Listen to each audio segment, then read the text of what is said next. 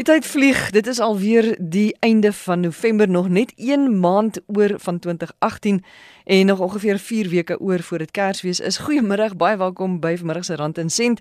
Dankie dat jy saam luister. Ek is Susan Stein en die stasie RSG tussen 100 en 104 FM op jou radio en www.rsg.co.za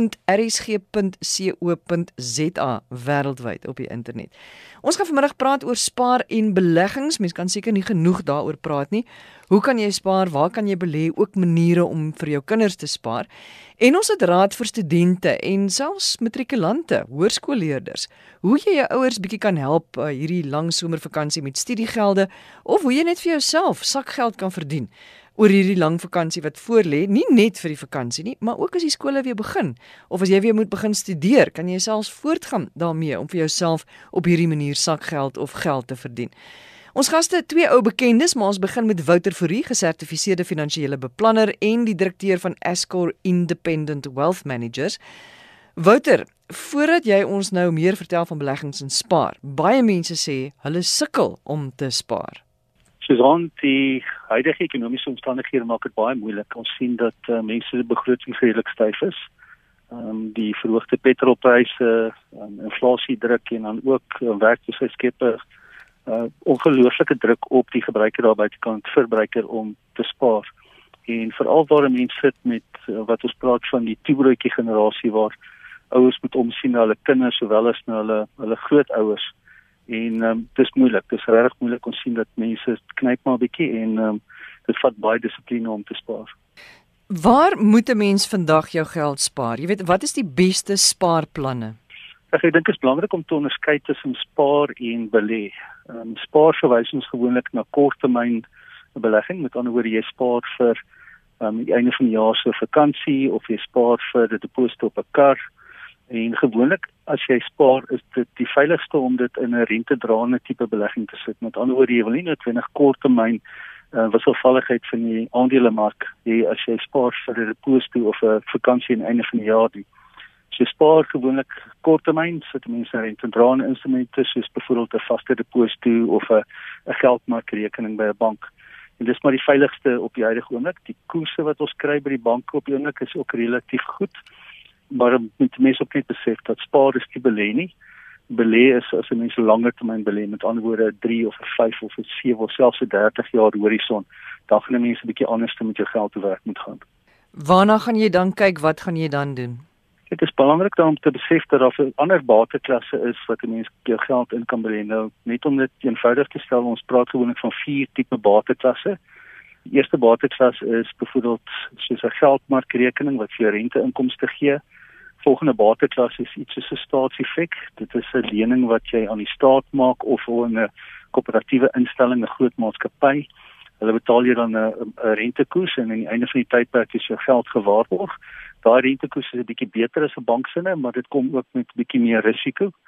Dan die derde bateklas is ons gaan kyk na eiendom en daar praat spesifiek van genoteerde eiendom waar jy byvoorbeeld eiendom aandele koop op die aandelebeurs of jy koop aandele in 'n kommersiële eiendom of selfs jou huis.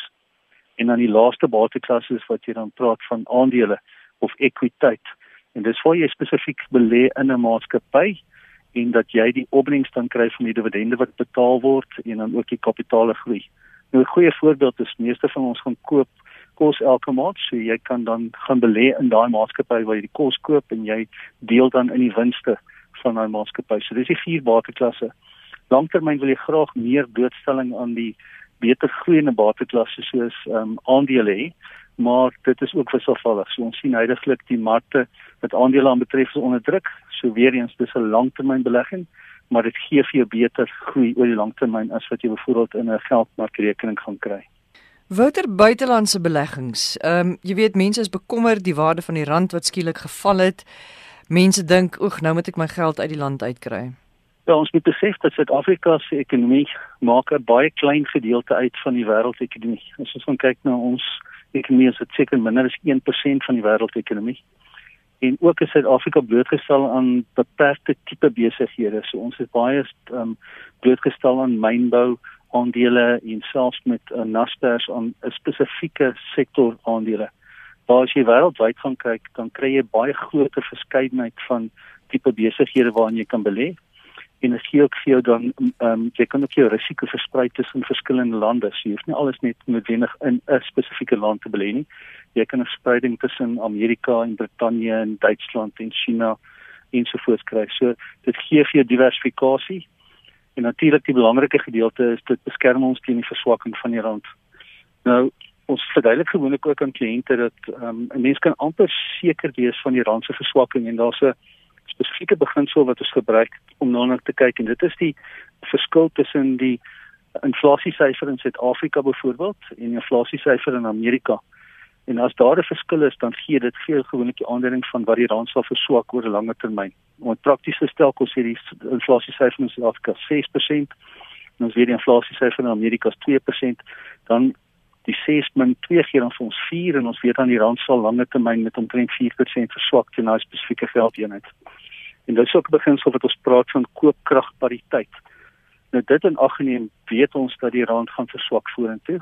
Die korttermyn wisselvalligheid van die rand maak ons almal so magies maar lekker omgekrap want ou weet nie wat môre met die rand gaan gebeur nie, maar langtermyn weet ons dat die rand gaan verswak en buitelandse belegging gee vir verskansing teen daai verswakking in die koopkrag van jou geld. Hoe doen ek 'n buitelandse belegging? Want 'n deel van jou geld as jy byvoorbeeld 'n pensioenfonds het, dan dan is 'n deel van jou geld tog ook uh, in die buiteland belê alreeds.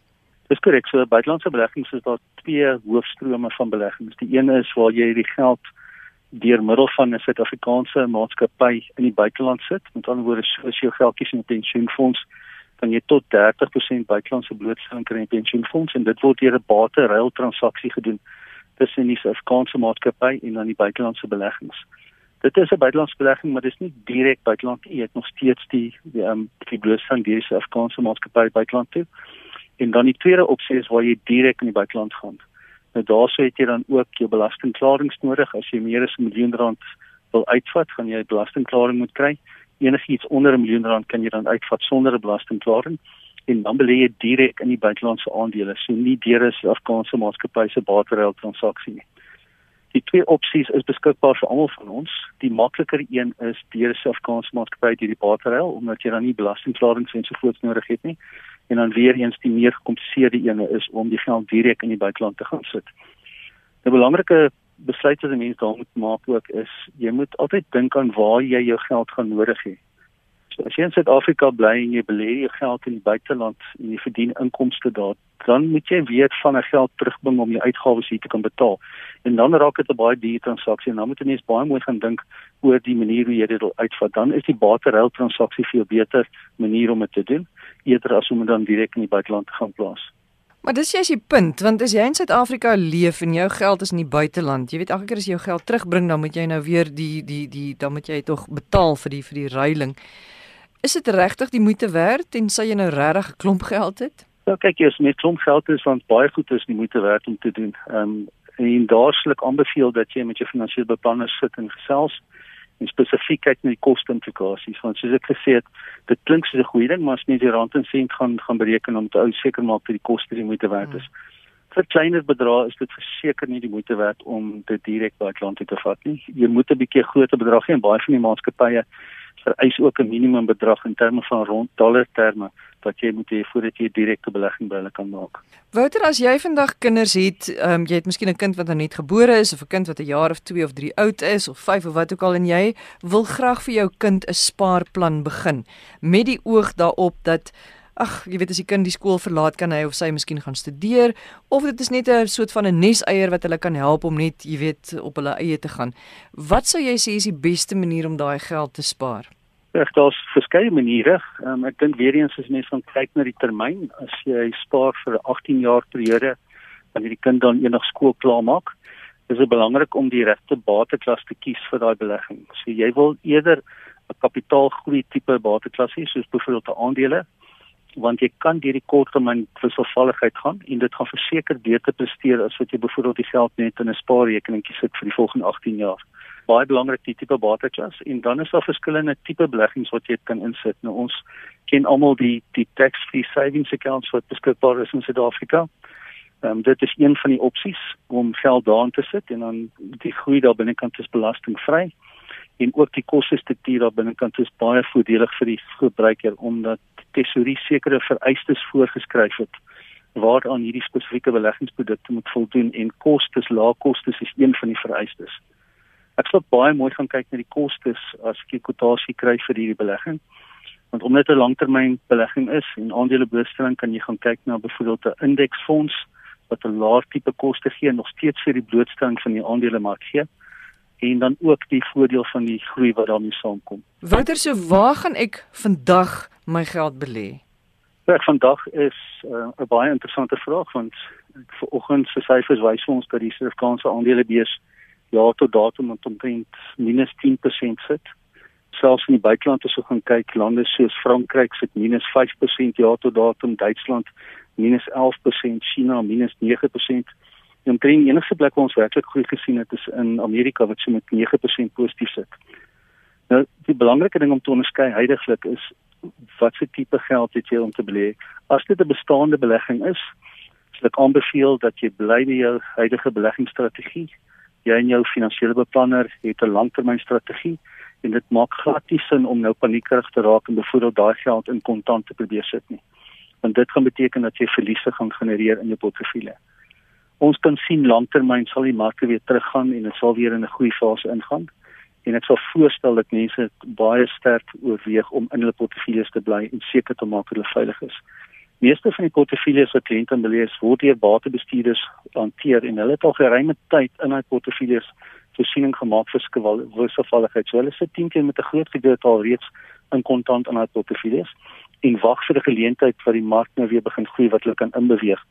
En dis gewoonlik in hierdie tye wat die batebestuurders die die winste vir ons genereer as beleggers want omdat die aandele baie teruggetrek het, koop hulle eintlik fantastiese maatskappye teen 'n winskoopie.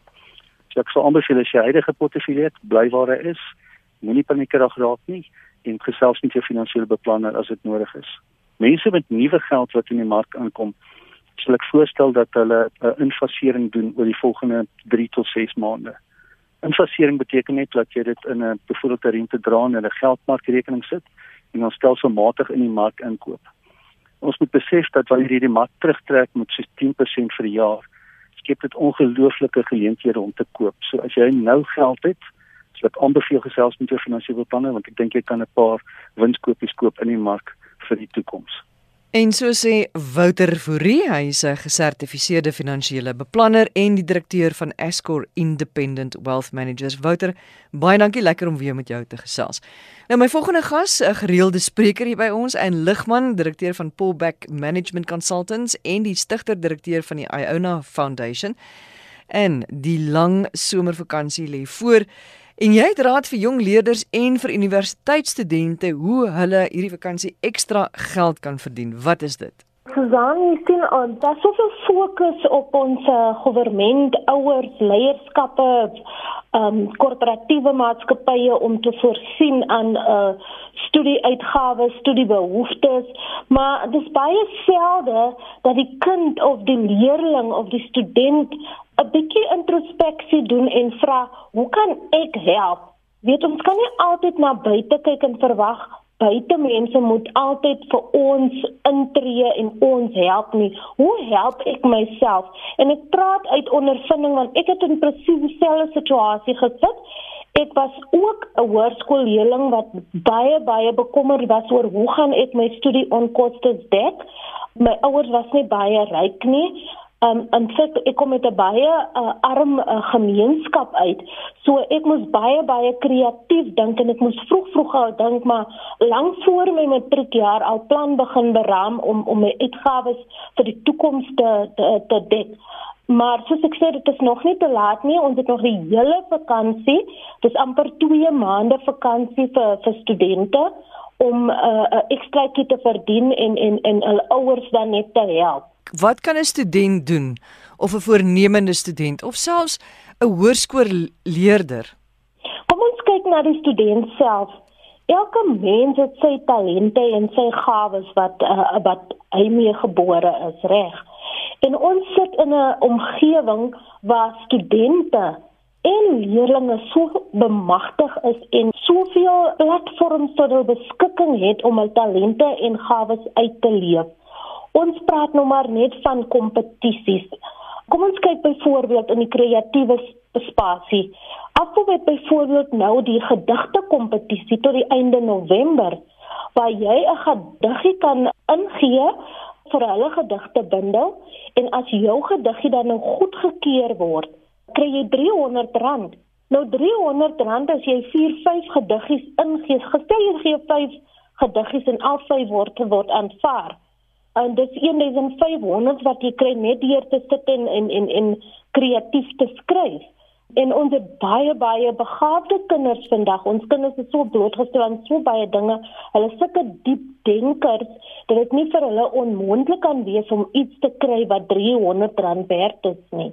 Dan kyk ons na ander vrywillige geleenthede. Die seisoen is nou, dit is feestyd, daar's verskriklik baie geleenthede wat opkom. Dis nie net skool en en en universiteitsgeleenthede nie, maar dis kerkgeleenthede, nie winsbedrywende maatskappye en en en geestelike organisasies in jou omgewing. Die media het soveel geleenthede wat opkom. Dit is nou die dit is die seisoen vir geleenthede. Die staat het soveel soveel geleenthede wat opkom.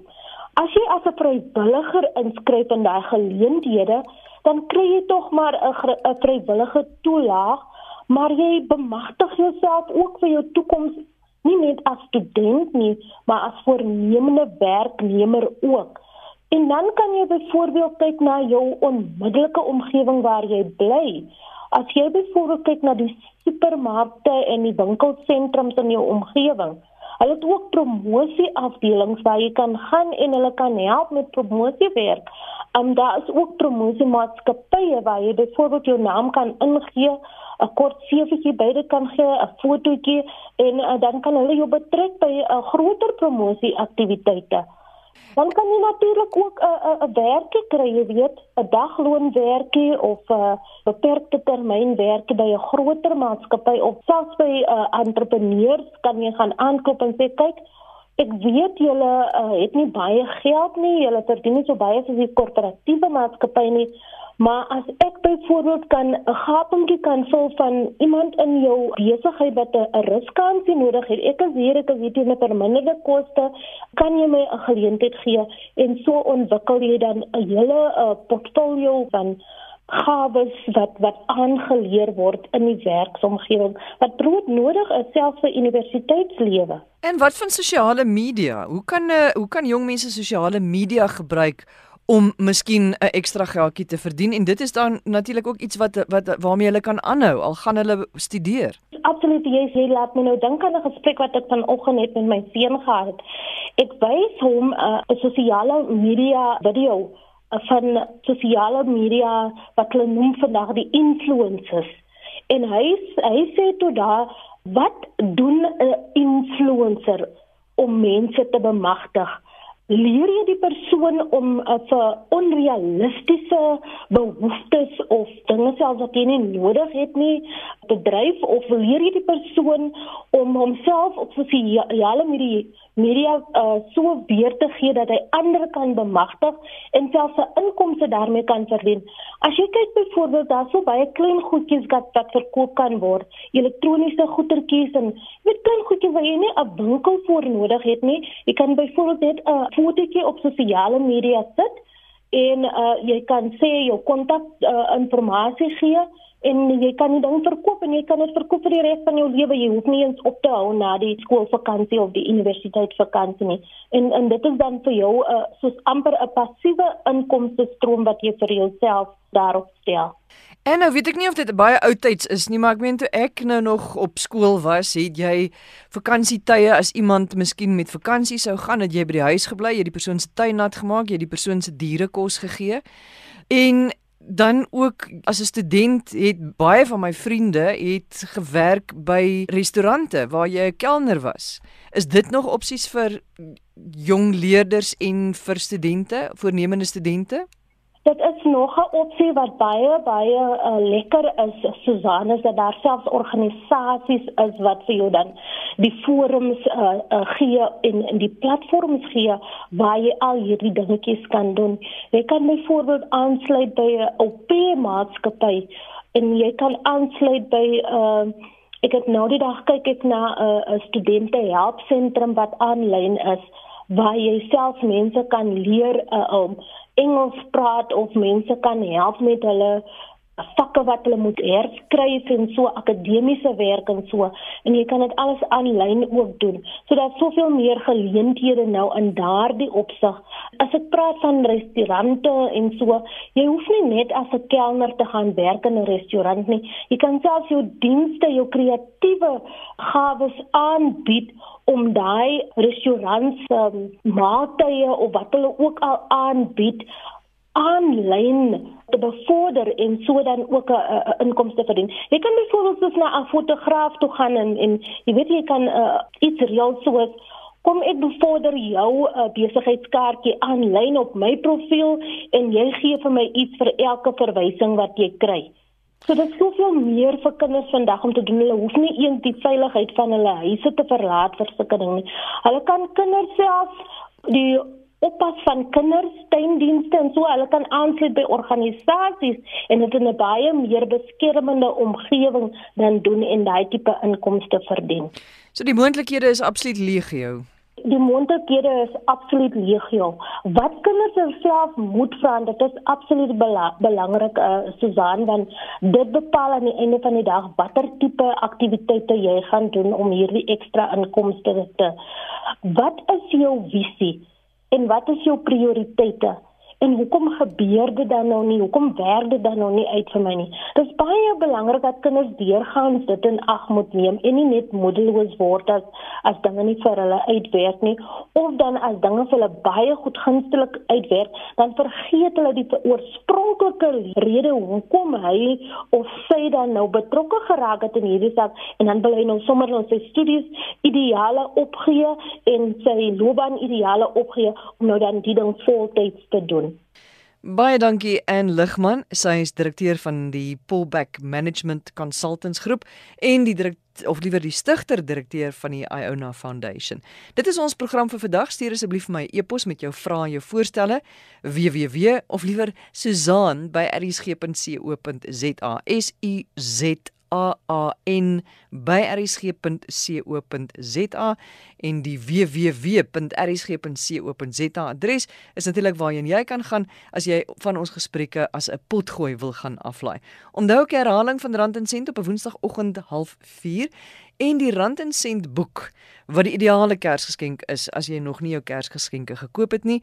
Nie net is dit 'n Kersgeskenk wat jy vir iemand kan gee nie, maar dit kan daai persoon ook ongelooflik baie help want baie van ons gesprekke wat ons hier op RSG al gehad het, is in die boek saamgevat. Ons praat byvoorbeeld met entrepreneurs, hoe kan jy begin? Wat jy alles moet weet, hoe kan jy jou sakeplan in plek kry? Ons praat oor testamente, ons praat oor beleggings, ons praat oor spaar, ons praat oor versekerings. Jy noem dit en dit is min of meer in die boek vervat. So gaan gerus na Exclusive Books of Bargain Books waar dit beskikbaar is, asook aanlyn by Takealot en Loot. Baie dankie dat jy vanmiddag saam geluister het. Ek is Susan Stein en ek groet ek hoop dis 'n baie baie mooi en voorspoedige week vir jou. Totsiens.